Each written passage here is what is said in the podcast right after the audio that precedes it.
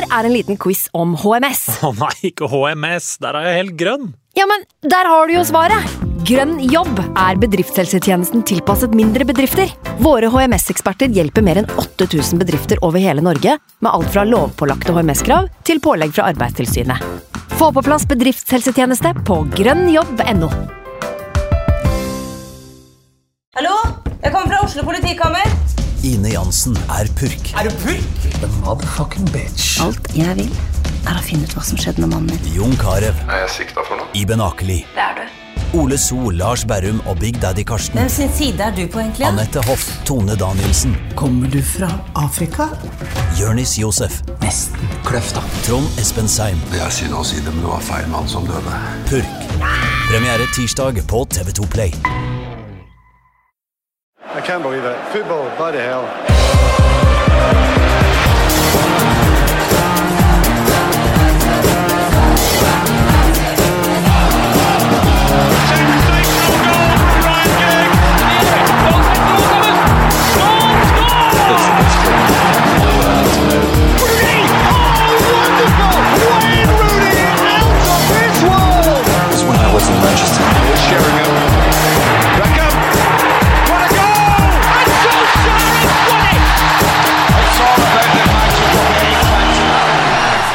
Godt nyttår!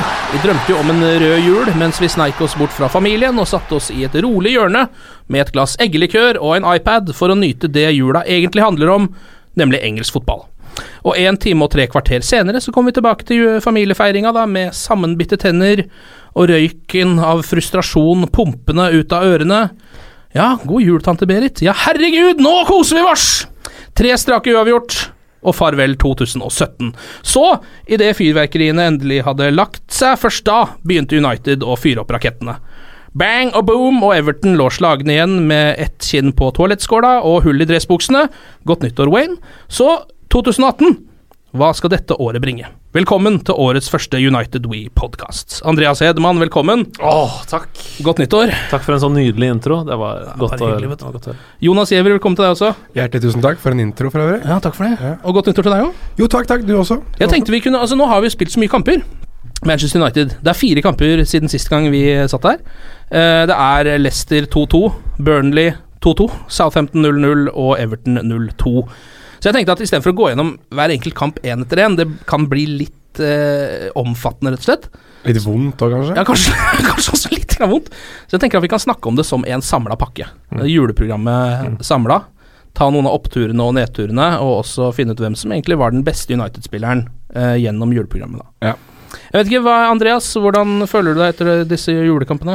Nei, hvis du skal eh, dra det sammen til én opplevelse, da, sånn som du maler et bilde av her, Mhm. så er det jo eh, rundt juletider så slippes det jo ofte kinofilmer og mye sånne julefilmer og sånn. Dette er vel kalkunen.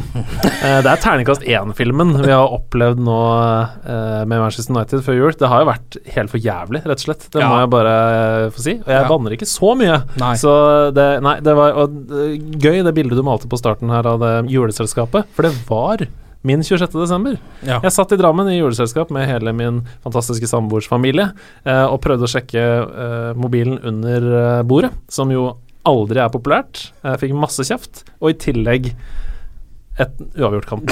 Så det var, eh, det var tap på alle fronter. Hva med deg, Jonas?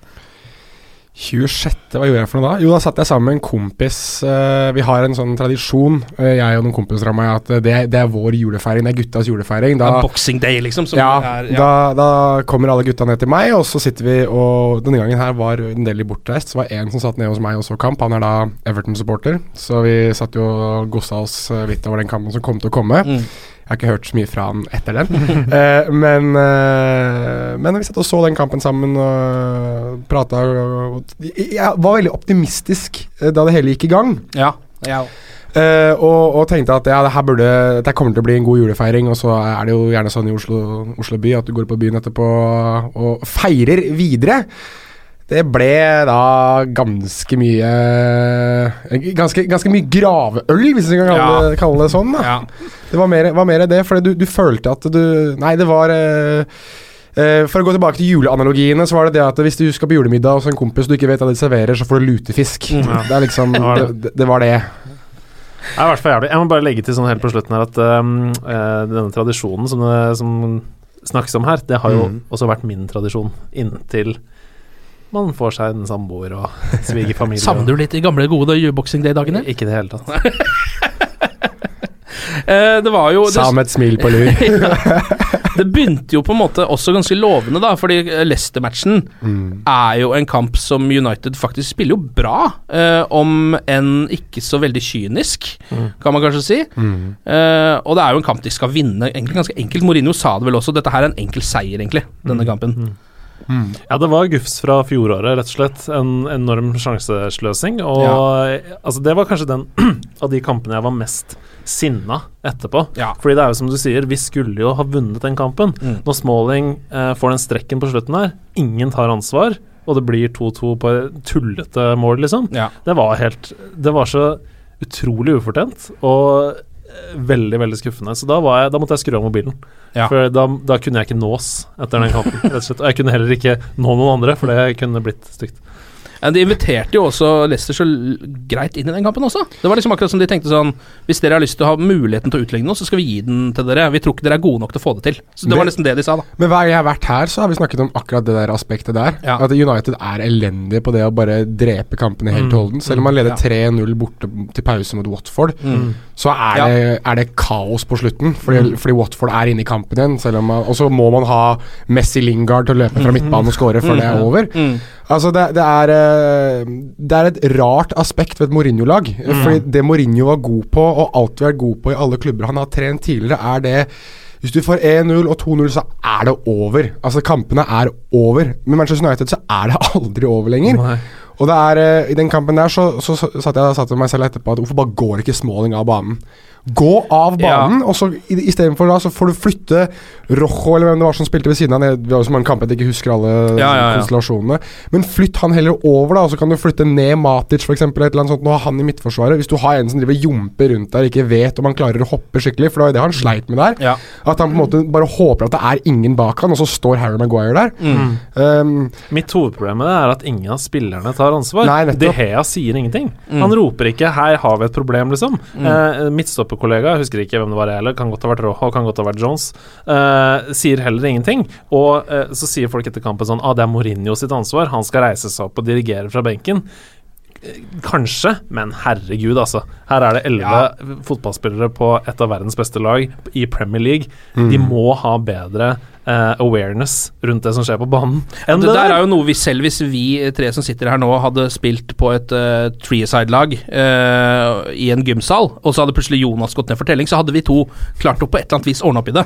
Nå ligger det en mann nede her, vi må prøve å altså, Ja, gjør bare, noe. Ja, gjør, Gjør noe. Vi må, Noen må gjøre noe. Jo, Andreas, du må gå ned og dekke hans plass. Ja, det, det det er jo sånn- såpass enkelt. Det eneste som skjer i den kampen, er at én, ingen gjør noe, og to, ingen snakker sammen, og tre, det blir et kjemperom. Men, men det er, det er Altså Hver gang jeg har vært her også, så har vi alltid endt opp med å snakke varmt om David De Gea. Ja. Dette er hans ene store ankepunkt, føler jeg. Det at han ikke er god nok i meldingene sine hele tiden. Han er, ikke, han er ikke flink nok i sånne preste situasjoner. Han, er, han har alt som du trenger i en keeper, Ja. egentlig. Men det virker som det skorter på, ha- på å gi meldinger og, og dirigere de foran seg. At han som regel er Det er derfor du, du Jeg så nylig en sånn statistikk hvor det sto en som hadde reddet flest skudd i Premier League denne sesongen her, og da var han nummer to. Mm. Manchester United ligger på ja, Nå ble det 2-2 i går mellom Chelsea og Arsenal, så da, da ligger vel United fortsatt på andreplass. Ja. Uh, det er ganske sensasjonelt, altså. Ja. At du, du er den keeperen på det laget som ligger nummer to, og du er den med nest flest redninger i hele Ja. ligaen. Jeg tror Fabianski, Fabianski. Mm. Eh, i Swansea var, var på førsteplass. Ja, Den desidert verste klubben i Premier League. Ja, nettopp. Ja. Og, det, det er, eh, og det er nok det, Jeg tror det er det ene som De Gea virkelig må forbedre seg på, det Mm. å kommunisere. Og jeg tenker Hvis han tar to steg ut til Nå blir det hans venstre der, så plukker han den ballen før Maguire. han. Mm. Ja. Ja, det er absolutt. Og det er hans eh, Jeg har i hvert fall sett at flere er enige med meg i det, at det eh, er til stor del hans feil også at Mm. Leicester skårer det første målet sitt. Ja. Fordi han bør gå ut der. Han Ja. bør være en sweeper der og gå ut Ja. og ta den ballen. Så Ja. det Han gjorde rett og slett eh, veldig sjeldent, da, men en fryktelig dårlig kamp. Eh, Jeg kan, jeg kan være litt med på det du sier der også, Jonas. Han, er, han har jo nesten alt som keeper, men han er ikke noe Peter Schmeichel som kommandant. Det er Nei, han ikke. nei. Han er ikke en som kommanderer, og han er ikke en kapteinstype, da. Nei, altså, altså da, Nå har jeg vært på Old Trafford en god del ganger og sett de ulike keeperne. Og jeg husker den ene sesongen, hans første blir vel, da Anders Lindegård Mm. uh, var andrekeeper, eller det var da de bytta på veldig mye, så husker jeg at den store forskjellen mellom de to da, For jeg satt mye da på Stuart Friend og så ned, og da når keeperen Jeg liker å se hvordan de dirigerer forsvaret sånn, jeg er rar på det greiene der. Uansett. Um, Liker det veldig godt. De Gea var helt stille, og gjorde ingenting, selvfølgelig, for det var hans første sesong kanskje ikke like god i engelsk osv., men det forbedret seg aldri med årene heller. Under Moyes, under van Hall Det var liksom ikke noe sånn særlig forbedring på det. Mens Lin Lindegård sto og hylte og skreik, altså. Han var sånn, altså, nesten sånn Nesten slo ned spillere foran seg, for han var Ja. så forbanna innimellom. Og Det samme var det med Edin van de Sar de få gangene jeg var og så han også. Det var, var keepere som på veldig mange måter manøvrerte gjennom kommunikasjon. De Gea ser ikke ut til å være like flink i den biten. Eh, og, og jeg har sett tidligere at, at andre spillere har måttet gjøre jobben for han. Marcos Rojo gjorde masse for han da han spilte den første sesongen sin. Hvor han sto og fortalte liksom ulike spillere hvor de skulle bevege seg. Og Jeg spilte ved siden av Tyler Blackett en kamp. Og når liksom Marcus, Mar Marcos Rojo står og hyler på Tyler Blackett, så sitter jeg og ja, ok, det her er jo litt interessant. Her er en kar fra Argentina som aldri har spilt i et engelsktalende land, som skal hyle og skrike på en spiller som har hva da? To kamper. Begge innhopp i liakamp mot Yeovil og Lincoln Town eller noe sånt. Da. Nei, det var bare veldig, veldig merkelig. Og øh, det ene virkelig store ankepunktet mot Echea men en ting jeg lurer på om han egentlig aldri helt kommer til å klare å forbedre heller, for at er noe Nei, har snakket mye ikke- om han i mange år. Ja, og hvis han ikke har gjort det ennå, så kanskje ikke han er den typen, rett og slett. Det Eh, virker som et personlighetstrekk, da. ja, ja, Ja. det er jo faktisk det der. Det er jo et personlighetstrekk, ja. Uten tvil. Det er jo, var mye som var irriterende i denne kampen. Da. Jeg tenker, altså, jeg fikk også en slags sånn Selvfølgelig først etter at Leicester har scoret, men en slags sånn følelse av at jeg syns det er litt merkelig at Chris Smalling også s- setter seg ned i det øyeblikket og gir en anledning til å stoppe kampen. Fordi kampen er egentlig ferdig. Når det greiene der skjer, så er det sånn et halvt minutt igjen eller sånn. Og så får de på en måte Leicester får mer tid til å både liksom bygge seg opp mentalt til å få til dette, og ikke minst liksom tid til å tenke at det er faktisk noe igjen av denne kampen. Eh, hvis han bare hadde uh, blitt stående et eller annet sted på banen, så hadde det liksom aldri skjedd. Jeg føler det var litt sånn urutinert. Men jeg føler også det er litt urettferdig å gi han den når han så vidt klarte å gå. så det Ja, men det er igjen da, til å til å gå tilbake til poenget. Mourinho hadde stått og hylt og skreket eller ro i faria eller noe sånt. At, Sett deg ned. Ja. Legg deg ned. Ja. Eller at noen andre rundt han sier altså, Hvor mange har ikke vi sett Ricardo Carvalho eller John Terry legge seg ned da, i sånne situasjoner som det? Og greit nok at de er mer rutinert og, og kanskje eh, var midtstoppere av et mye høyere kaliber og en større fotballforståelse enn Chris Smalling. Men det bare vitner om at det er Igjen, da. En, en annen spiller som kanskje ikke kommer noen gang til å nå det, det potensialet han kanskje har fordi han har de karaktertrekkene, nemlig at han ikke legger seg ned, at han ikke ønsker å gjøre det. Jeg så en gif av uh, Kyle Walker uh, mot United på um, Old Trafford Uh, de siste minuttene. Da ballgutten til United kasta ballen tilbake mot Kyle Walker. Eh, Kyle Walker later som at han kaster dårlig, ballgutten, og sparker den tilbake utover linja. To ganger Ja. etter hverandre. Eh, og ballgutten henter ballen, kaster den tilbake, og Kyle Walker gjør det samme igjen. Og sier til dommeren sånn Hei, se hva han driver med! Mm. det er ikke min feil! Jeg drøyer ikke! Mm. Men du ser da at det er han som sparker ballen ut, liksom. Sånne ting, da. Vi må bli mer kyniske, liksom. Vi Ja. må begynne med det der. Og Mourinho har også sagt det. Vi eh, var dumme.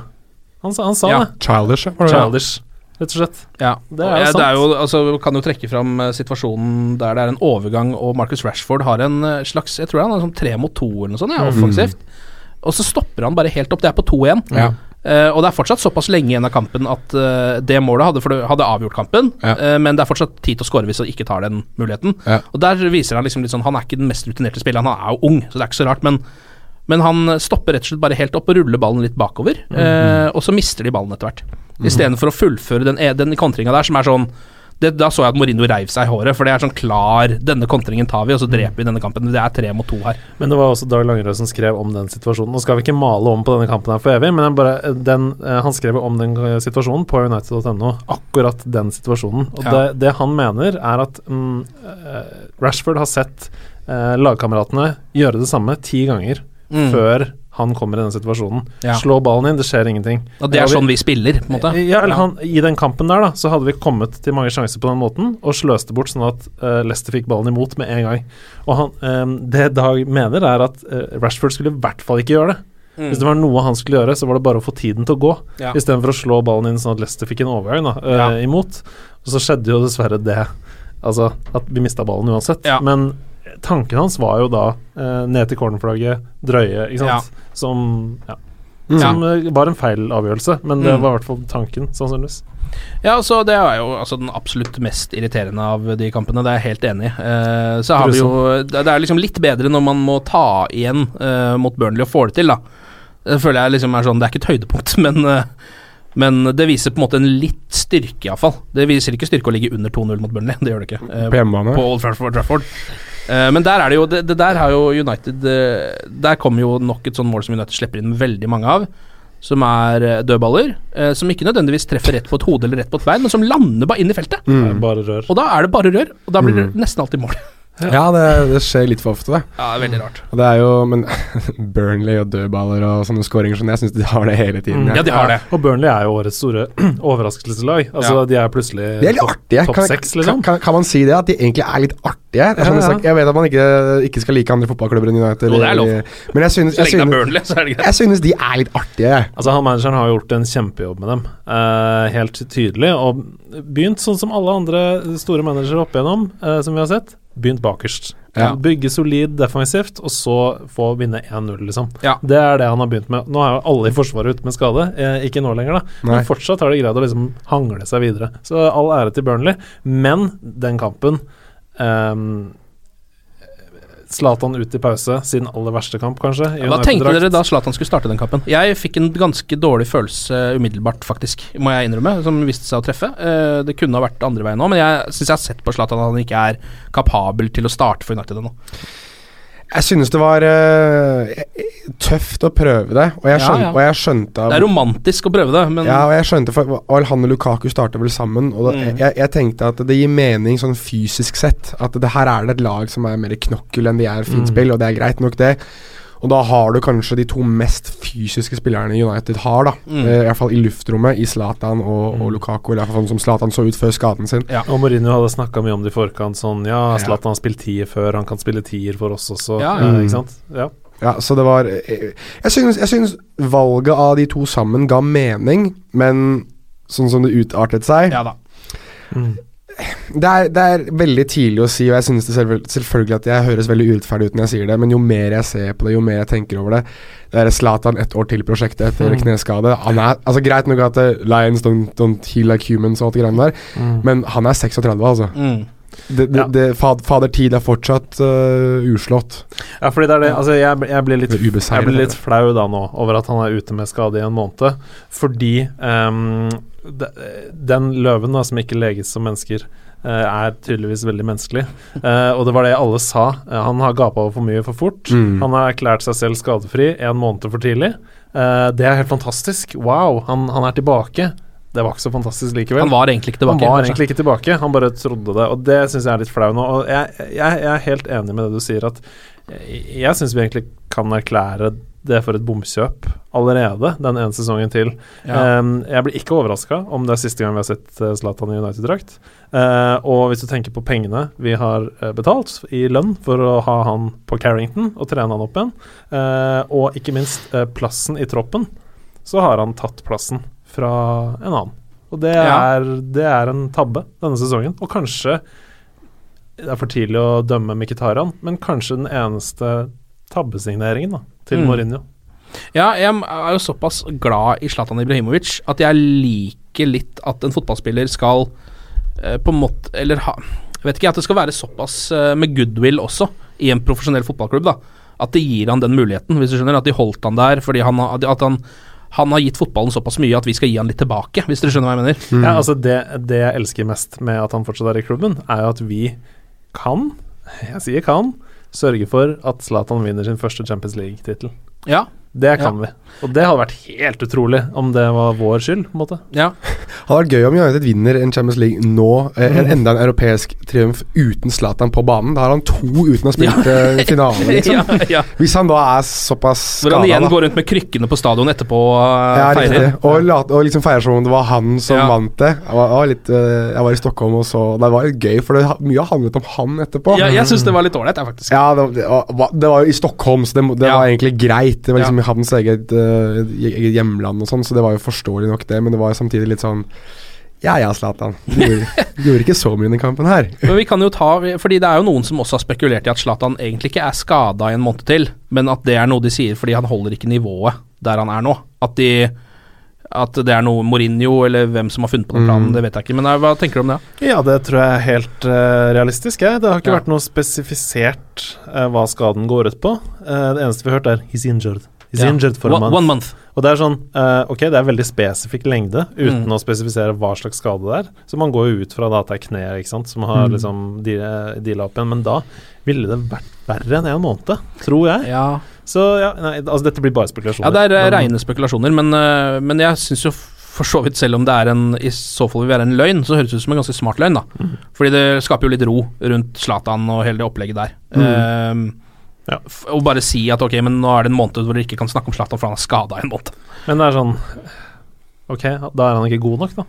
Når Ja. blir han god nok, da? Liksom. Vi skriver i januar, sesongen er ferdig i mai. Det er jo ikke Sånt er kjempeenkelt å si uansett. da Ja. Du kan jo bare si at han er skada. Se på Liverpool da, nå, med Coutinho. Han er jo bare skada. Ja. Han er jo egentlig ikke skada, men det er veldig enkelt å si. Mm. Fordi det du gjør da, er at eh, Ok, han kan ikke spille for han er skada. Mm. Det er ikke fordi han er Kan for dårlig. kritisere Det er ingen som Nei. vet hva skadene er, men Nei. han er skada. Ja. La oss nå si da om, om Zlatan er skada, om Coutinho er skada, det vet vi ikke. Jeg Mm. tror ikke at noen av de to Nei, er så skada som trenerne deres skal ha det til. Men det stopper folk fra å prate, for du kan Nei. liksom ikke kritisere Og han, han benkes, eller han droppes, eller han er ikke god nok. Nei, han er faktisk skada. Mm. Eller han er Ja. på vei bort, ikke sant. Det er ikke Oi. Det er, ikke, det er liksom ikke noe mer uh, å diskutere, for det, det, det er skade full stopp. Og, Ja. og alle vet at du ikke du spiller med en skade. Apropos skade, eh, hvordan følte dere da Lukaku gikk ned for telling? Det var vonde Det bilder. var, altså det var heldigvis mye mindre alvorlig da enn først antatt. Jeg, jeg fikk eh, Dagfinn Enli-vibber Jeg jo gjorde det. da han lå der livløs, og det, var, det er Jeg var i. Moss til og med, så Jeg var helt var grusomt. også det, altså. Var i Moss. det? Ok. Ehm, Jeg var på jobb, jeg. og det, altså det virka jo som det var liksom protokoll da, som er kicka inn hos Ja. legeteamet. Sånn, ok, dette er en sånn type skade, dette gjør vi ved denne typen skader. Mm. Og det gjorde at det så mye mer alvorlig ut Ja. enn det egentlig var. Eh, det var jo en del som kommenterte at man ser de greiene der i NFL Mm. eh, ganske ofte. Eh, Mm. sånn kakk i bakhodet der hvor nakken henger fast i hodet. Eh, hvor man er ute i et par uker med hjernerystelse, liksom. Um, Var det det, var, var det det han fikk, eller? Er men, nei, det vet vi faktisk ikke, men, men der og da, da så frykta jeg at den skaden var livsforandrende. Ja, og, da ja, mener, ja, jeg- og da mener jeg ikke fotballinvaliditet, da mener jeg lam. ja. Det, det treng, og da, det er ikke noe Den kampen betydde liksom ikke så mye etter Nei. det. Nei, jeg var, jeg var rolig, for det første Lukaku gjør, er at han har, han har hendene over hodet. Og Ja. når du klarer, når du klarer Altså, det var vel noe som han eh, eksperten i TV 2-studio sa, han eh, Cosgrave, som var på Mm, besøk fra og Utrolig bra tima TV 2! Ja, Å ha han i studio utrolig. da! Første gang de har hatt en fyr, en fyr som er ekspert på det fysiske førstegangs- Eh, På medisinske, Ja. liksom, og så skjer det! Jeg skjønte ikke. Jeg, jeg sånn timing. Har de henta inn han nå? Bare Ja, sånn. Ja, for jeg stussa litt over det første. Han sa å ja, ja vel. Uh, og så kommer den og sa gud bedre så bra timing. Ja. Eh, men i, i hvert fall, uh, han sa også det i pausen her, det det, det er et Og jeg tenkte også det med en gang jeg så det, at det, det er et godt tegn, for det betyr at han har kunnet klare å bevege armene sine opp dit. At han, har, at han i hvert fall har bevegelighet i, Mm. i armene sine. Og da er man nok utenfor den den sonen der. Um, men det første jeg tenkte, er at dette her er en solid hjernerystelse, tenkte jeg. Fordi at det, det er, det er visst et sånt lite eh, I bakhodet så har du, har du punkt bak deg altså som er mye, mye mer um, Mye mykere da enn resten. Altså Der det ikke er bein eller brysk eller whatever. Og det så ut som han Høt traff noe helt latterlig bra der. Ja. Uh, men det jeg også tenkte også var at da Lukaku gikk ned, så var han også ved bevissthet da han gikk ned. Jeg husker Vet ikke om dere husker det den gangen da Drogba ble tatt i, i lufta en gang av en eller annen, i en, en eller annen luftduell og landet At han var, han var bevisstløs på vei ned, Mm. ja. og hodet hans bare smalt i bakken. Ja. Det var, og, og det, sånt, sånt syns jeg er skummelt. Mm. Men da Lukaku på en måte hadde hendene over hodet og sånn, så tenkte jeg at ok, han, han er sikkert ute i en to, tre, fire ukers tid her nå. Protokoll. De passer på at hvis det er en nakkeskade de ikke har funnet ennå, så bare gjør de dette for å være sikre. Så jeg var ikke jeg var ikke like stressa da som Nei. resten, men, jeg, men selvfølgelig når du har oksygen, oksygenmaske og alt Ja, det greiene her kommer, så blir det sånn ja. Dette her kan være Ja, det som, var, det som var liksom eh, For jeg er helt enig med deg at eh, innledningsvis så tenkte jeg sånn Å ja, ok, han fikk seg en smell. Ja. Men så, etter ti sekunder, så var det lights out, Mm. liksom. Det, og da følte jeg sånn Ok, er det en indre blødning? som ikke har Ja. fått utfolde seg Ja. umiddelbart, men som har kommet. da Det kunne vært noe sånt. Eh, Ja. og da ble jeg helt sånn det, Ja. Jeg får helt sånn vondt av å snakke om det nå. Ja, Eh, og jeg er veldig glad for at det selvfølgelig ikke var noe alvorlig. Ja, han er jo tilbake igjen om ikke så lenge, faktisk. Mm. Eh, Skal tilbake kanskje nå allerede mot Derby. Ja, ikke sant, så det gikk jo veldig bra, heldigvis. Men det ødela jo hele den kampen på flere måter. Mm. Eh, det så at United-spillerne var prega Mm. av det. Eh, tribunen var prega av det. Alle var prega. Det Det ble veldig stille. Jeg eh, tror alle var litt prega. Ja, og det var litt sånn Er det så farlig om, om vi skårer et mål nå? Fordi eh, hvordan går det egentlig med Rommelul, liksom? Og så det er forståelig. Det dummeste du gjør det, man får sagt det, beklager at jeg avbryter, Nei, men nei, ikke det, noe stress. det dummeste Aldri gjør det her. Aldri gå inn på sosiale medier. Fordi du har alltid to, tre, fire, fem idioter som prøver også å tulle med det at eh, han, han kjemper for livet på et sykehus Ja. og sånt, og, så, Mm. og så vet du ikke helt om kontoen stemmer eller ikke. Sånn. At noen som har endret navnet sitt til til at de ser ut som de kanskje er eh, en litt peil. da eh, Ja. altså jeg falt i den der fella der selv, bare sånn av å sitte og se, og, og da begynte jeg å stresse. Og så er jo jeg da såpass rutinert på Twitter nå at jeg gjorde et lite søk på hvem dette her var, og så fant jeg ikke vedkommende, og så roet jeg meg ned igjen. Mm. Men, men aldri, aldri gå inn på sosiale medier rett etter sånne skader. For det er eh, Ja. Sånt er helt grusomt. Og til dere som gjør det, slutt. Vær så Ja, snill. det er, slutt. helt, det er så dårlig stil, ass. Ja. Eh, jeg må bare si unnskyld hvis jeg har avbrutt. Også. Da er vi veldig snille her, men slutter med det. Eh, Nei, men hvis vi skal oppsummere, da, så var Ja. det liksom uh, første kampen, Leicester, tapte tre poeng. Mm. Andre kampen, eh, Burnley, Mm. heldige som får ett. Ja. Uh, tredje kampen, Southampton, De Hea redder ett. Han Det var gjør sånn jevnt dårligere og dårligere kurve. Ja. Mm. Uh, og det var bare sånn Det var så langt nede etter den neste kampen, og så bare enda en dårligere kamp. Ja. Og enda en dårligere kamp. vet du hva det er for noe? Det er som et godt gammeldags nytt, nyttårsparty. ass Du starter dritbra, Woo! alle har det kjempestemning, og så blir det dårligere og dårligere og dårligere, og så er siste kampen er da dagen derpå hvor du egentlig bare har lyst til å få en kule midt mellom øya. Det, er, det var det de tre kampene egentlig er. Det er Three stages of Ja, det uh, det. New Year's Eve-party. Og så møtte vi Everton. Ja, og herregud, hvor dårlig følelse jeg hadde før den kampen. For det første så visste jeg ikke om vi hadde spillere, egentlig. Vi hadde ikke noen spisser. Nei. Jeg prøvde Eh, å sette opp et lag som var eh, Jeg tenkte sånn Ok, det blir i hvert fall Tuan CB. Blir sannsynligvis McTominay ja, ja. på midten.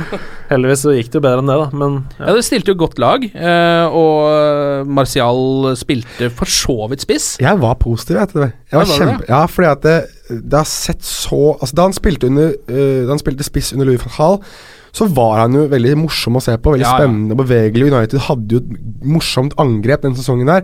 Greia var at forsvaret den sesongen der var jo helt elendig, men angrepet var jo gøy å se på hele tiden, Mm. synes jeg. Og det var jo fordi han beveger på seg, dro spillere ut av posisjon, fikk spillere til å pumpe inn i boks. André Rera hadde vel ganske mange skåringer den sesongen der. Ja. Fordi han, han hadde så mange løp inn i boksen. Så jeg så tenkte at ja, men hvorfor ikke? Det kan jo bli ganske interessant det her, da. Se om man kanskje kan involvere spillere som Lingard. Nå skal vi sikkert tilbake til å snakke mye mer om han etterpå. Men jeg lurte på om man kanskje kunne ha den samme effekten hvis han spilte mer sentralt og i en friere rolle. mm. Det viste seg at det var akkurat det som skjedde. Ja. Uh, og, og Nei, så jeg, jeg uh, Vi har snakket så mye de siste par uh, månedene om hvem kan United hente, og hva kan man gjøre for noe, hvem skal erstatte Zlatan, og er Lukaku for immobil osv. Skal Grismann inn? Men jeg tenker at er, er, Kanskje svaret egentlig bare er spill Martial litt mer som spiss. Bruk han litt mer i den rollen han egentlig er god i. Eller er best i, hvert fall. da Det var det Kasper Vikstad skreik i løpet av kampen der også. Han har spurt Han har ingen nummer ni! Marino, Men her er nieren! Det var liksom der. eh, og um, det har jo hele um, den eminente Red Devils subredditen på Reddit Ja, eh, skriker jo etter Martial som spiss hele Mm. tiden. Eh, og nå fikk de vilja si, og han endte opp med å vri den opp i vinkelen på Nydelig best mulig scoring. måte. Ja. Selv om han ikke hadde en sånn helt sjuk kamp, så var det målet eh, av øverste hylle. Vet du hvem det minner meg om? Ja, Thierry Henry. det er det hver gang, altså. Ja. Det er så Thierry Henriesk. Mm. Det er det, altså. Det er, jeg, jeg, jeg synes sånne, sånne sammenligninger er egentlig ganske flåste, men han har så mye i seg som minner meg om en ung Thierry Henry. Mm. Og så får vi se da, om, hvor det tar han. Å, fy faen, den jublinga. Ja. Åh, det, det, Kyssing sånn- av logo, det det, var som sånn er. heroin for meg, ass, Ja. etter de ræva kampene før der. Og eh, Først så bare Åh, du ser Og han åh, løper med hånda her og bare Dette var helt sjukt. Og så opp med emblemet og kyssing og Jeg får gåsehud! ja. Nei, det var, var nei, det var deilig. ass. Det, Det var så deilig. akkurat det vi trengte. Alle Trengte det. var jo også en sånn kamp hvor man kjente at det å få det målet ville sannsynligvis avgjøre den kampen. Jeg følte ikke at Everton var noe farlig. Eh, Det var, eh, var ikke sånn som mot eh, Leicester eller Nei. Burnley eller egentlig ingen av de andre lagene, med Wayne Rooney, som jo hadde en stinker av de sjeldne. Stakkars. Ja, det var nesten litt synd på det. Stakkars. Altså, um, var det første eller andre skåring hvor det var han som ga bort ballen? Var det første? Ja, På- ja, første, det kan hende. Ja, uansett men det var. Altså, han var det, det, Altså, som, som United-supporter så har man i flere år nå sett akkurat det og irritert seg over det. Men dette er første gang hvor jeg liksom har tenkt at nå syns jeg faktisk synd på Everton-supporterne. Ja. Fordi det, det er så Og egentlig litt synd på, på ehm, det, det ettermælet Wayne Rooney nå legger, legger fra seg da i Everton og egentlig i engelsk fotball. For det er så åpenbart at han ikke holder mål, i hvert fall ikke i mål i forhold til hvor god man forventer at han skal være. Nei. Fordi vi alle tenker at dette skulle være en um, en Cristiano Ronaldo, Lionel Messi-spiller. da At han skulle være på et så høyt nivå i, selv i den alderen han går inn i nå. Og det man får servert, er så langt, langt, langt under pari. Mm. Um, Og nå har han jo faktisk også skåret mye mer mål enn man nesten kunne forvente at han skal gjøre. men hvor, hvordan kommer de målene, tenker jeg. det er jo straffereturer. Ja, det er mye straffe Men det var jo det han hadde i United òg, og Ja. frispark og litt sånn forskjellig. Og det, var ikke, det er ikke sånn at han Og er ett fra midtbanen, det skal han ha. Det skal han ha. Det er ikke sånn at han er en helt elendig fotballspiller, men det er bare at det, de kriteriene, den standarden han satte for seg selv, og som kanskje vi litt sånn subsequently har satt for han på bakgrunn av hvor god han var som 16-17-18-åring, det, det bare det, det rimer Ingenting rimer lenger. Og, det, og det, er, det er trist å se på, syns jeg. Jeg synes også det. Og så er det sånn uh, Han hadde et par veldig gode kamper i begynnelsen av sesongen for Everton, uh, hvor det så ut som han hadde liksom en sånn ja, the- Homecoming, liksom, og fått en ny giv og sånn. Og så ga jo det seg med en gang, fordi eh, han er en sånn spiller som trenger den derre eh, motivasjonen, da. Og når det har blåst over, så er han Da syns han fotball er kjedelig igjen. Eh, og så er det sånn um, Ja, han har scora sju eller noe sånt Ja. denne sesongen, men hvis du ser på den underliggende statistikken, så er jo ikke det Altså, han har kanskje en expected goals på fire eller noe sånt. Altså, Ja. det er ikke Det er ikke um, clear cut målsjanser. Det er en tå her og liksom Ja, så ja. Var det noen som la merke til en, en ting, for jeg bare må skyte inn, jeg syns det er så gøy. Er det noen som la merke til at i, uh, i romjula så var han plutselig uh, i gåstegn syk? Er det noen som, Ja! og har folk lagt merke til at han er nesten syk er hver syk eneste romjul? ja. Han er det. Er det det? altså, jeg husker Mora mi poengterte det for meg en gang i tiden. At Å, er han syk igjen i romjula? Mora mi, liksom. Og, og Så er det sånn Men det var vel Ali som, som sa det i denne podkasten etter den fylleepisoden hans, fyllekjøringen, uh, i landslagspausen, uh, at uh, mannen har jo obviously et alkoholproblem. Ja. Og det må noen ordne, fordi det er synd på han. Ja. Og, og Ali, som har sett mange av sine idoler som han snakka om her, da, eh, dø pga. overdoser og sånne ting, eh, er bekymra. Han er oppriktig bekymra. Eh, og det, det er jo Du kan stille klokka etter det. Hver romjul og hver landslagspause, når han ikke har vært tatt ut på Englands landslag, så er det en fylleepisode, liksom. Mm. Og da er det sånn Er han glad i å feste, eller har han et alkoholproblem? Det er det opp til andre å avgjøre. Kan jo gå hånd i hånd med det. Ja, noen ganger. det kan det. Eh, skal vi trekke fram noen av de spillerne? Vi kan begynne med om det er noen dere mener har underprestert veldig i juleperioden av United-spillerne. Er det noen dere kom på der som dere mener ikke har levert? Hvor skal vi begynne? Ja, fordi det er liksom Da du skrev det punktet på dagens agenda, så Mm. skrev jeg bare eh, alle sammen. Um, er det noen å trekke frem, liksom? Det har vært en kollektiv veldig skuffelse. Ja. Um, og så er det selvfølgelig noen noen veldig uventa oppturer, f.eks. Messi Lingard. Mm. Uh, men det er rett og slett en kollektiv lagsvikt. Og jeg, jeg vil ikke ha Det er ikke Mourinho sin feil, det mener jeg. eh, helt oppriktig. Bortsett fra at kanskje at Pogba har ligget for dypt i banen eh, og vært nesten en Nemanja Matic defensiv midtbanespiller inntil Everton-kampen, hvor han endelig var indre løper og ble arkitekten bak begge målene.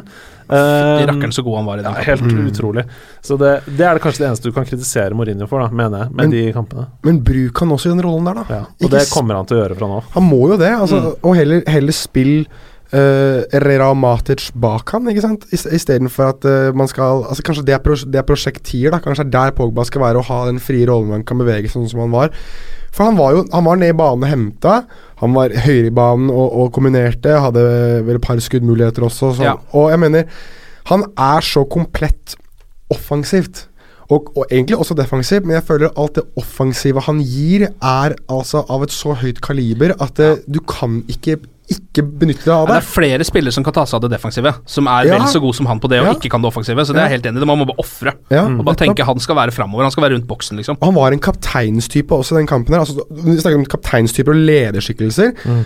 Det kule med den kampen der Etter den kampen der var at da han liksom geleida spilleren Nå går vi bort og så takker vi supporterne våre skikkelig. Mm. Og han Det er så- sto liksom og applauderte. Det var ikke noe sånn tulledabbing og dansing og piss og møkk. Det var ordentlig sånn Takk for at dere er der. Ja. Jeg representerer dere, og dere representerer oss. Det var liksom en kar som gikk foran med brystkassa høyt hevet, og liksom Kanskje minnet litt om en annen franskmann som Ja. spilte United en gang i tiden. Du ser jo at Pogba også liker det kapteinspinnet. Ja. Han hever seg litt når han har det på, virker det som for meg, da, i hvert fall noen ganger. Han tar ansvar. Ja. Altså, det er um, Det som er så unikt for meg med Paul Pogba, er jo selvfølgelig mange ting, men en av tingene er at han er en av verdens beste spillere, Ja. fotballspillere, Ja. som jeg aldri kan se for meg noe annet sted enn i Manchester United. Nei. Jeg, jeg kan ikke se for meg at han går til en annen klubb. Ja, jeg kan det. Jeg kan se. Og det, og det er kanskje jeg som er naiv, men Mm. jeg, jeg føler at eh, jeg har sett det med de aller fleste. Da. Og i- det er nesten ingen noen andre i United elver 2017-18 som jeg tenker det om. Men jeg tenker at Paul Pogba ser for seg 10-15 år som kaptein for Manchester United. Ja, det, det eneste problemet er jo at han er jo en sånn spiller som United skylder noe, på en måte. Fordi han er liksom Per nå så er jo, holder han et høyere nivå enn det klubben på en måte gjør. Eh, ikke klubben, men laget per nå, da. Nei, jeg tror, det, jeg tror det morsomme hadde vært hvis han hadde blitt en Frank Lampard, en Steven Jarl, bare i Manchester United. Ja. Det hadde vært kjempegøy, og, men jeg tror merkevaren Paul Pogba, hvis jeg kan få lov til å være så kynisk og kalle han for det, den skal måtte flytte på seg på et tidspunkt. Eh, og jeg tror at eh, den skal nok en tur til eh, Madrid. Ja, Og jeg tror nok at den på sikt også skal en tur til USA.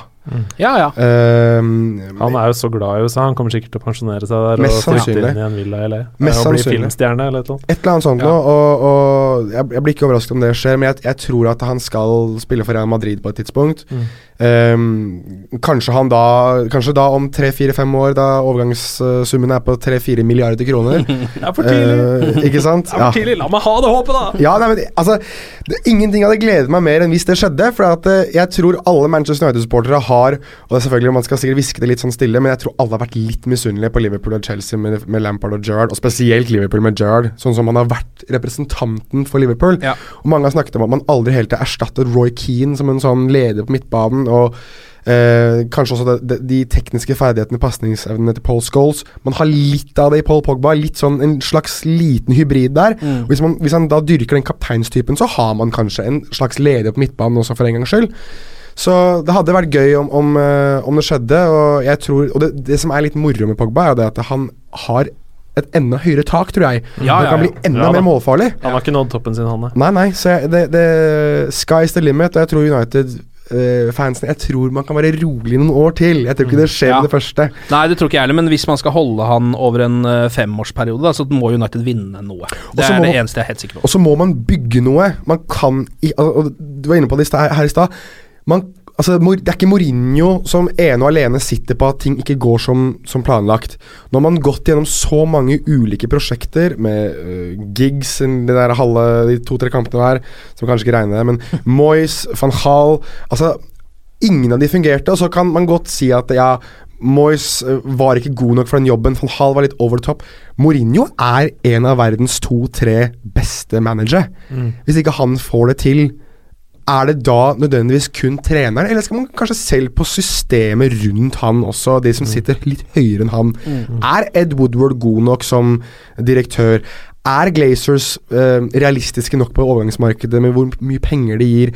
Er troppen per nå god nok til å kunne kjempe mot City, kjempe mot Real Madrid, kjempe mot Bayern München, Barcelona, Paris Saint-Germain, som pumper penger igjen Altså, Barcelona skal bruke 150 millioner euro på Coutinho. Eh, Manchester City signerer var vel Mourinho som sa det selv, signerer venstrebacker for prisen av spisser. Li- Liverpool har brukt 75 millioner eh, pund på Virgil van Dijk. Det er samme prisen som United betalte for Lukaku. Ja, jeg vet det. Altså Det er helt utrolig. Det er- For en, for en helt eh, grei forsvarsspiller. Ja, og, nei, men jeg mener altså, Men forskjellen her er det at det, både Liverpool og Barcelona også, fordi det, det er jo to klubber man på en måte må sammenligne seg litt med i, i denne forstand, de har forstått at dette er det vi må forstå, Her må vi styrke oss.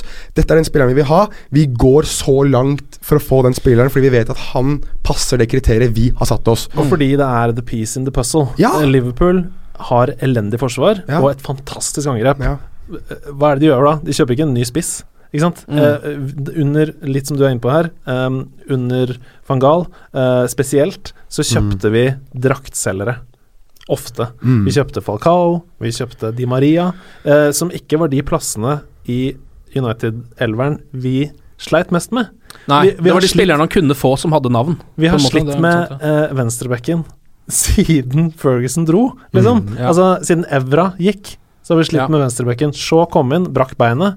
Da må vi kjøpe en ny spiller, ikke sant? Nå er vi jo inne i essensen av det som veldig mange United-supportere er opptatt av nå. Uh, og det er jo José Mourinho, uh, hans uh, standing, hans framtid i Manchester United.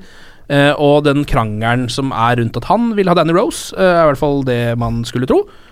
Mens i hvert fall ryktene sier at Manchester United-ledelsen syns at Luke Shaw er venstrebekken til Manchester United. Og det synes jeg, og det, akkurat den debatten der, og den krangelen der, så er jeg faktisk litt enig med ledelsen. Ja, Akkurat der er jeg litt en, enig med ledelsen, men det er alle de andre diskusjonene jeg synes er, er øh, interessante, hvis du på en måte snur klokka tilbake til sommervinduet, og man sitter og så hagler og opp og ned i mente med Inter om å kjøpe Ivan Perisic, f.eks. Mm, Hvis du ser hvordan Perisic har vært nå i, i Inter Hadde du fått han inn på høyresida i Manchester United, så hadde det laget sett helt annerledes ut. Han har vært så utrolig god, alt det som Mourinho visste at han var. Så Ja. Hvis jeg hadde vært Mourinho, så hadde jeg vært eh, dritsur pga. den overgangen. ja. Eh, men apropos Danny Rose, da, som du var inne på her. Eh, nå ser det ut som Rose kommer. Han er skada i Tottenham, som veldig mange andre spillere. Um, og nå går jo rapportene på det at det er den tilbakevendende kneskaden, og det er litt stressa over. Hvis det faktisk er en skade, da, så, så er jeg Ja. litt stressa over det. For det er jo som Falcao, ikke sant. Ja. Satt med ispose etter hver kamp på kneet sitt. Eh, og det vet vi jo alle hvordan det gikk. Men hvis det ikke er en skade, hvis det er en eh, overgangsskade, Mm. uh, så er jo det mer eller mindre done deal, da.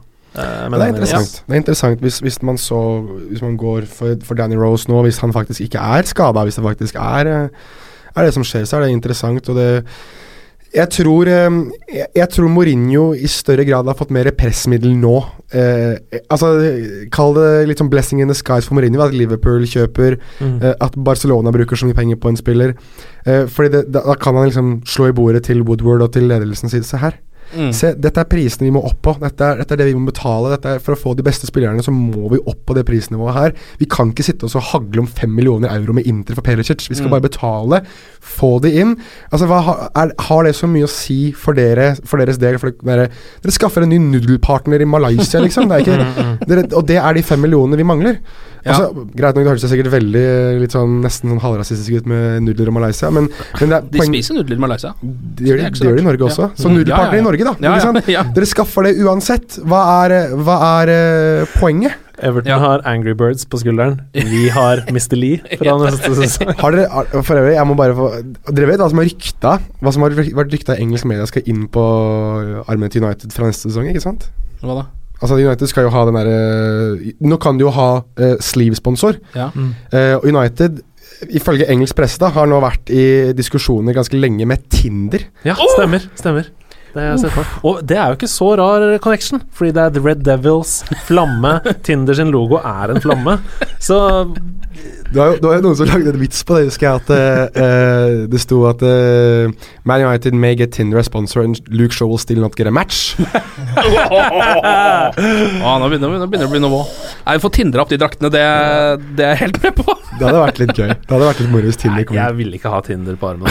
Nei, Jeg vil ikke ha noe på armen. Vi trenger ikke det. Nei. Ja, hva syns du om Nexen Tires, som er vel, eh, er vel City har, er det ikke det? Jo. Eller noe sånt noe? Nei, Men Som sagt, Angry Birds for Everton. Det er det ultimate lavmål. Men nå bare den eh, liksom de siste uka så har man jo lest Altså sånn bare i dag så leste jeg eh, ganske Eller sånn saker fra ganske gode kilder på at Mourinho eh, vil skrive ny kontrakt og forlenge, og på at han vil dra. James Ducker var vel som hadde sak i dag, vel, om at United og Mourinho har hatt extensive talks rundt Ja. eh, forlengelse av kontrakten hans. Mm. Og Mourinho i dag på pressekonferansen sin har jo også sagt det at det er garbage stories, Ja, ja. at han har lyst til å dra. Ja. Veldig fin sak på manunited.com, for så vidt. Ja. eh, hvor han bare legger alt dødt og sier at 'jeg er en 100 profesjonell manager', 'jeg er lojal', 'jeg er ikke sant, dedikert'. Men, men det er også Det som er litt um, interessant med Mourinho, er det at hvis det hadde vært så mye murring, og han hadde vært så usikker, så hadde han vært veldig flink til å fyre opp under det ved å si at we, 'we'll see at the end of the season' eller et eller annet sånt noe. Han er veldig flink til å liksom legge ut hint og legge press på folk gjennom hvordan han uttaler seg. Men når han sier det også, så for meg, da, så, så har fulgt Mourinho i ganske mange år nå og sett på en måte Jeg syns alt er gøy å liksom se på hva han sier for de media, for det går veldig mye igjen i alle klubbene hans. Så er dette her eh, en veldig klar indikasjon på at det er en trener som har lyst til å få det til å fungere. Ja. Jeg tror at det, Mourinho egentlig har en sånn slags uh, umulig ambisjon om at han har lyst til å bli regnet like høyt som Ferguson blir. Det kommer aldri til å skje, men, men Mourinho er så selvsentrert og så narsissistisk at jeg tror at det er der han legger lista for seg selv. Jeg skal opp dit, og hvis jeg da må Og så må han bevise at han klarer å være i en klubb mer enn tre sesonger. Og jeg tror at i en klubb som Manchester United så kommer han til å få det hvis han klarer å jekke seg litt ned, og på en måte Ja. forstå uh, at det er et prosjekt, og, men, men samtidig så må han få backinga til å kunne gjennomføre det prosjektet. Og det, og det um, det gjenstår å se, da. Nå skal han, Hvis Danny Rose kommer inn for 50-60 millioner pund i, i et januarrunde, så syns jeg det er en klar indikasjon fra en ledelse om at du er mannen vi skal satse på. Her har du det du trenger. Ja, det er- Dybala, Sandro Åh, Jeg er jo- kjenner jo at det rister i underlivet av de navnene. Jeg så jo eh, Jeg vet ikke om du så det. eh, Vi var inne på Pogba i stad, hvordan han driver og roser og henter inn spillere. Han hadde, for, for, for, I november så ble, det ble hentet fram igjen nå, så la han jo ut et bilde hvor han drev og facetima med, Med Dybala. Dybala, ja. Ja, ja. Hvor det sto hashtag Agent P. Ja, og det var to etter hverandre. Neste post også var også Dybala og Ja. hashtag Agent P. Så det er noe greier der, ass. Det er Ja, noe ja, greier. ja, ja, ja. Men, men det eh, Nå skal jeg ikke snakke veldig mye om det her, men jeg synes det, det aspektet der, ved å rekruttere spillere, det er moro. Fordi han er Han, er- han, han har henta det fra LeBron James i NBA. Ja, ja, ja, han har gjort akkurat det samme med, å med å hente spillere til Cleveland Cavaliers og Miami Heat og sånt nå i NBA. Ja. Pogba gjør akkurat det samme i Manchester United. Og Lingard også driver jo masse NFL-feiringer og sånn. Det er et eller annet connection der til Ja. den sporten. Men jo, um, to ting kjapt. Pogba er jo på en måte the good cop-versjon av Keane. For han har jo handshake med alle spillerne i A-laget. uh, egen personlig handshake. Så det er jo på en måte Han har en like god han, han, han har like respekt som Keane, men bare på en annen måte. Jeg tror Keane hadde ett eh, skjellsord for hver spiller som han heller brukte. Eh, så det er nok sånn. Og så Mourinho i forhold til legendekarriere i United. Um, det er jo mange klubber i England som har en byste av sin måte manager utenfor sin stadion. Uh, vi har Alex Ferguson, statue, og vi har Ferguson stand. Um, det meste Mourinho har, er vel en liten sidegate i Portugal. Som Ja. er oppkalt etter han. Ja. Uh, så jeg tror Ja, nok han er keen på å komme seg opp på en uh, tribune, han òg. Du får jo ikke noe hegemoni på den måten i en klubb hvis ikke du blir der i mer enn tre år. Det er jo en Nei. sånn greie. Så kanskje, kanskje vi kan håpe på en ti år. En- Ja. En liten byste ved siden av The Mighty Trio ut, Det hadde vært greit, det. Eh, vi må prøve å kåre de beste United-spillerne gjennom juleprogrammet. Vi tar det som en pakke. Um, fire kamper. Mm. Pælma sammen igjen. Å, herregud.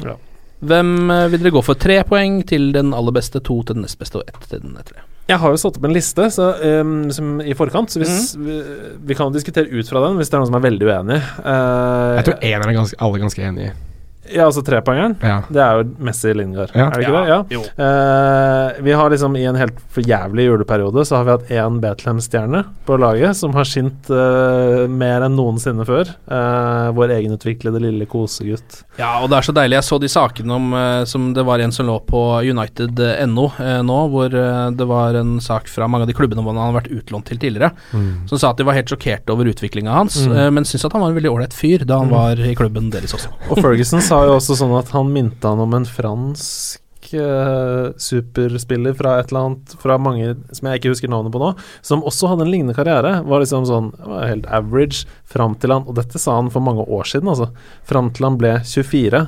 da kommer Jesse Lingard til å slå ut i full blomst, Ja. sa Ferguson for noen år siden. Frank Ribri eller noe sånt, Kanskje? Ja, et eller annet sånt. Det har han i hvert fall også gjort, ja. Um, og, nå, og nå er han liksom eh, Vi har sittet her og snakka om at han kommer aldri til å bli mer enn en average United-spiller, men så feil kan man jo ta. Han er jo først, Han er soleklar i førsteelveren. Han har vært helt fantastisk i det siste, rett og slett. Mm. Mye bedre enn noen kunne tro. Skårer noen elleville mål. For noen mål den mannen skårer. Mm. Ok, to poeng, da. Det, der har jeg satt Phil Jones, jeg. All right. Rett og slett. Han har eh, vært solid. Han har dårligst sjuer på børsen i de fire matchene. Um, og det syns jeg viser hvorfor gamle engelske landslagstreneren Capello uh, sa han var Englands største talent som 19-åring. Ja. Uh, han sa you, you guys, you have a new Jack Wilshere. Sa han, sa han på den tiden. Og det var, John, og det var Phil Jones? Ja. altså like stort type talent, ikke oh, ja, type okay, fotballspiller. fotballspiller. ja, gud bedre. For jeg, jeg respekterer meningen til Capello, men gud Så mener det, så Nei, nei, men at han var like stort talent da som, som Bilcher. Ja, ok, da er med. han ble vel også kåra eh, da han spilte eh, U17 eller noe sånt for United. Til, nei, for klubben han var i. For, Blackburn. Ja, til um, den ligaens beste spiller. Ja. Så det, han har jo obvist, altså uten sidestykke, vår førstevalg som midtstopper. Eh, og det har han stått fram som denne sesongen. Ett poeng. Mata, syns jeg. Juan Mata. Han har skåra mål, han har vært vår kreative kraft. Han har hatt et par kamper hvor han har spilt veldig bra. Sant. I en periode hvor all kreativ kraft har vært sugd ut av Manchester United. Så Mm. jeg syns han fortjener et poeng. Jonas? Nei, jeg kan ikke gå, gå imot Lingard på, på øverste posisjon på tredjeplassen der. Han, jeg synes, det var noen som skrev jeg synes det var litt interessant at eh, Pep Guardiola får så mye skryt for hvordan han har utviklet Raheem Sterling. Kanskje det er på tide å gi Mourinho like mye skryt for hvordan han har utviklet Jesse Lingard. Ja. Um, og jeg synes jo uh, Igjen, man skal ikke si det for høyt, men jeg synes Sterling er noe litt bedre enn en Lingard. Men jeg synes, jeg synes det, det, er, det er mange likheter i hvordan det har utviklet seg. At de begge to ser ut som i hvert fall spillere som er på vei til å gå et hakk opp, da. Og Mm. kanskje et hakk høyere enn noen hadde forventet av de to. Mm. Så, så helt klart Lingard som nummer tre, og de, de målene han skårer Han skårer jo ikke vanlige mål. Nei, han skårer helt sykt. Uh, Og hver gang han er i ferd med å skåre et vanlig mål, så bommer han. Mm. Ja, helt riktig. Helt riktig. Det er, det er det som er litt moro med han egentlig òg. Så eh, nummer to gir jeg til Paul Pogba, jeg. Ja. Uh, fordi uh, selv om det har skortet litt fra han, så er han også den som alltid vil mest, prøver mest. Altså han du, du, du ser på han at han har en vilje til å vinne, liksom. Mm. Altså, du, det, du, det, du kan nesten det når du sitter og ser på han, at det her er en kar som bare vil vinne. Koste hva det koste vil. Eh, og så jeg synes all, all den flashen og sånt og dem kan du legge litt vekk innimellom, for det her er en vinnerskalle. Mm. Så, så til 100 000. Uh, og, og jeg syns jo sisteplassen her er litt vanskelig, da, men, men jeg, jeg, jeg er enig i Phil Jones, egentlig. Han er en sånn uh, Igjen, da for å snakke om spillere som kanskje har fått en liten sånn renessanse under Mourinho. eh, så begynner han å ligne mer og mer på en slags John Terry 2.0. ja. Absolutt. absolutt. Jeg, jeg valgte med vilje å ikke ha med Pogba, fordi han spilte jo Altså Han var banens beste mot Everton, og Mm. kanskje en av sesongens beste kamper for han, men han var så utrolig svak i de andre kampene at jeg tenkte for en gangs skyld så kan han være ute av den lista her. Ja, jeg ser den. Jeg syns bare at han, han har en så vilje til å prøve hele tiden, og lyst til å vinne hele tida. Og det er ganger hvor United er så Altså, Unnskyld uttrykket, men ræv råtne dårlig. At, eh, at eh, men, men han virker som han bare Han gir aldri helt opp. Han er aldri en av de som liksom går rundt og henger med huet og sånt. Litt, litt sånn som Lukaku kanskje gjør innimellom. Um, så jeg synes når han da Når det da Og det er så bra som det er mot Everton, så klarer jeg liksom ikke helt å se bort fra han, da. Eh, I morgen er Uniteds eh, neste kamp. Det er FA-cupen mot eh, Derby. Mm. Og så er det da ganske lenge til neste kamp igjen. Ti dager, det er den 15. eller noe sånt. Mm. at neste seriekamp er. Du har lovt oss en, en fun fact om Derby, Andreas. Ja, det har jeg. Aller først, Derby er jo en veldig heldig trekning. En kamp som vi skal vinne. Um, Men da Derby flytta inn på hjemmebanen for de neste 100 åra, i 1895, så måtte de kaste ut en del, sitat, gypsies. eh, Som bodde der, da, på eh, det gamle baseball field, som det var. Ja. Eh, og det ble sagt at en av disse sigøynerne kastet en forbannelse over klubben, som gjorde at Derby aldri skulle vinne FA-cupen. um, og i løpet av de neste 50 årene så var Derby i FA-cupfinalen tre ganger, og tapte alle tre eh, FA-cupfinalene. Men i 1946 så skal den legendariske spissen Jackie Stamps ha betalt en sigøyner for å heve denne forbannelsen. dagen før klubbens fjerde FA Cup-finale mot eh, Charlton. Og hva skjer? De vinner. Derby vinner sin første FA Cup noensinne. Slår, slår Charlton 4-1, og Jackie Stamps skårer to mål. Det er magisk. Det er magisk. Så det vil si at vi ikke eh, får benyttet oss av forbannelsen. Den er heva, rett og slett. Ja, Hvis det hadde vært en finale, så, så, så Hadde United tapt. Hadde United kanskje tapt, ja. ja fordi den forbannelsen er jo hevet. Ja. Fordi The er magic of the FA Cup får en helt annen eh, benevning her. Kan også nevne at uh, United We Podcast nå har inngått et offisielt samarbeid med Uniteds uh, skandinaviske supporterklubb. Gå inn på united.no for å lese nyheter og alt mulig stoff om United, eller for å melde deg inn i supporterklubben hvis du har lyst til det. Vi snakkes neste uke. Glory, glory.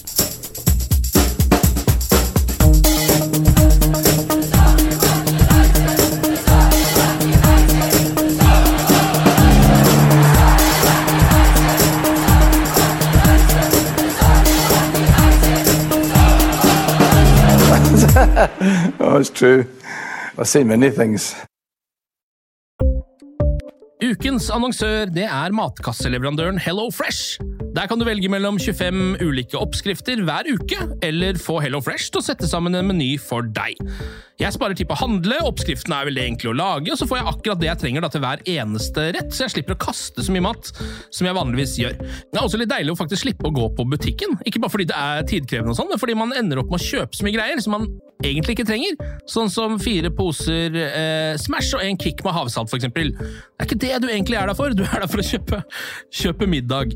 Så det er en veldig eh, kjekk ting. I tillegg så er det jo eh, ferdigporsjonerte ingredienser, det blir mindre matsvinn, og du betaler bare for det du faktisk trenger, og det du faktisk da spiser. I tillegg så blir det da levert på døra eh, til et fastsatt tidspunkt, sånn at du kan få det akkurat når det passer for deg eh, sjæl. Hvis Hello Fresh høres ut som noe for deg, så har jeg en rabattkode du kan bruke også. Gå inn på hellofresh.no og bruk koden HelloUnited24. HelloUnited i ett ord, også 24, og få opptil 1779 kroner i rabatt på de fem første matkassene dine hvis du ikke har prøvd Hello Fresh ennå. Du kan også bruke koden hvis du tidligere har vært kunde, men har stoppa abonnementet ditt for tolv måneder siden eller mer. Det er ingen bindingstid, og du kan pause eller avslutte abonnementet ditt akkurat når du selv måtte ønske. Husk koden HelloUnited24, og bon appétit! Ukens annonsør er Folio, en smartere banktjeneste for deg som har en egen bedrift eller ønsker å starte for deg selv. Folio er en superenkel nettbank for bedrifter. Som kunde i Folio får du en bedriftskonto med et bedriftskort og app. I denne appen er det smarte løsninger som forenkler regnskapet ditt, uansett om du har en liten bedrift eller et enkeltpersonsforetak. Folio er både intuitivt og brukervennlig, og er laget med et enkelt språk. I tillegg tilbyr de forutsigbare priser og ingen skjulte gebyrer. Skulle du likevel trenge det, så kan du snakke med deres raske og hyggelige kundeservice, og der får du prate med en faktisk person og ikke en chatbot. Folio er med andre ord både enklere og koseligere enn banken. Over 10 000 bedrifter har allerede valgt Folio som sin banktjeneste, så besøk folio.no og se hvordan Folio kan forenkle din hverdag også. Har du et enkeltpersonforetak eller en liten bedrift? Da er du sikkert lei av å høre meg snakke om hvor enkelt det er med kvitteringer og bilag i fiken, så vi gir oss her, vi. Fordi vi liker enkelt. Fiken superenkelt regnskap.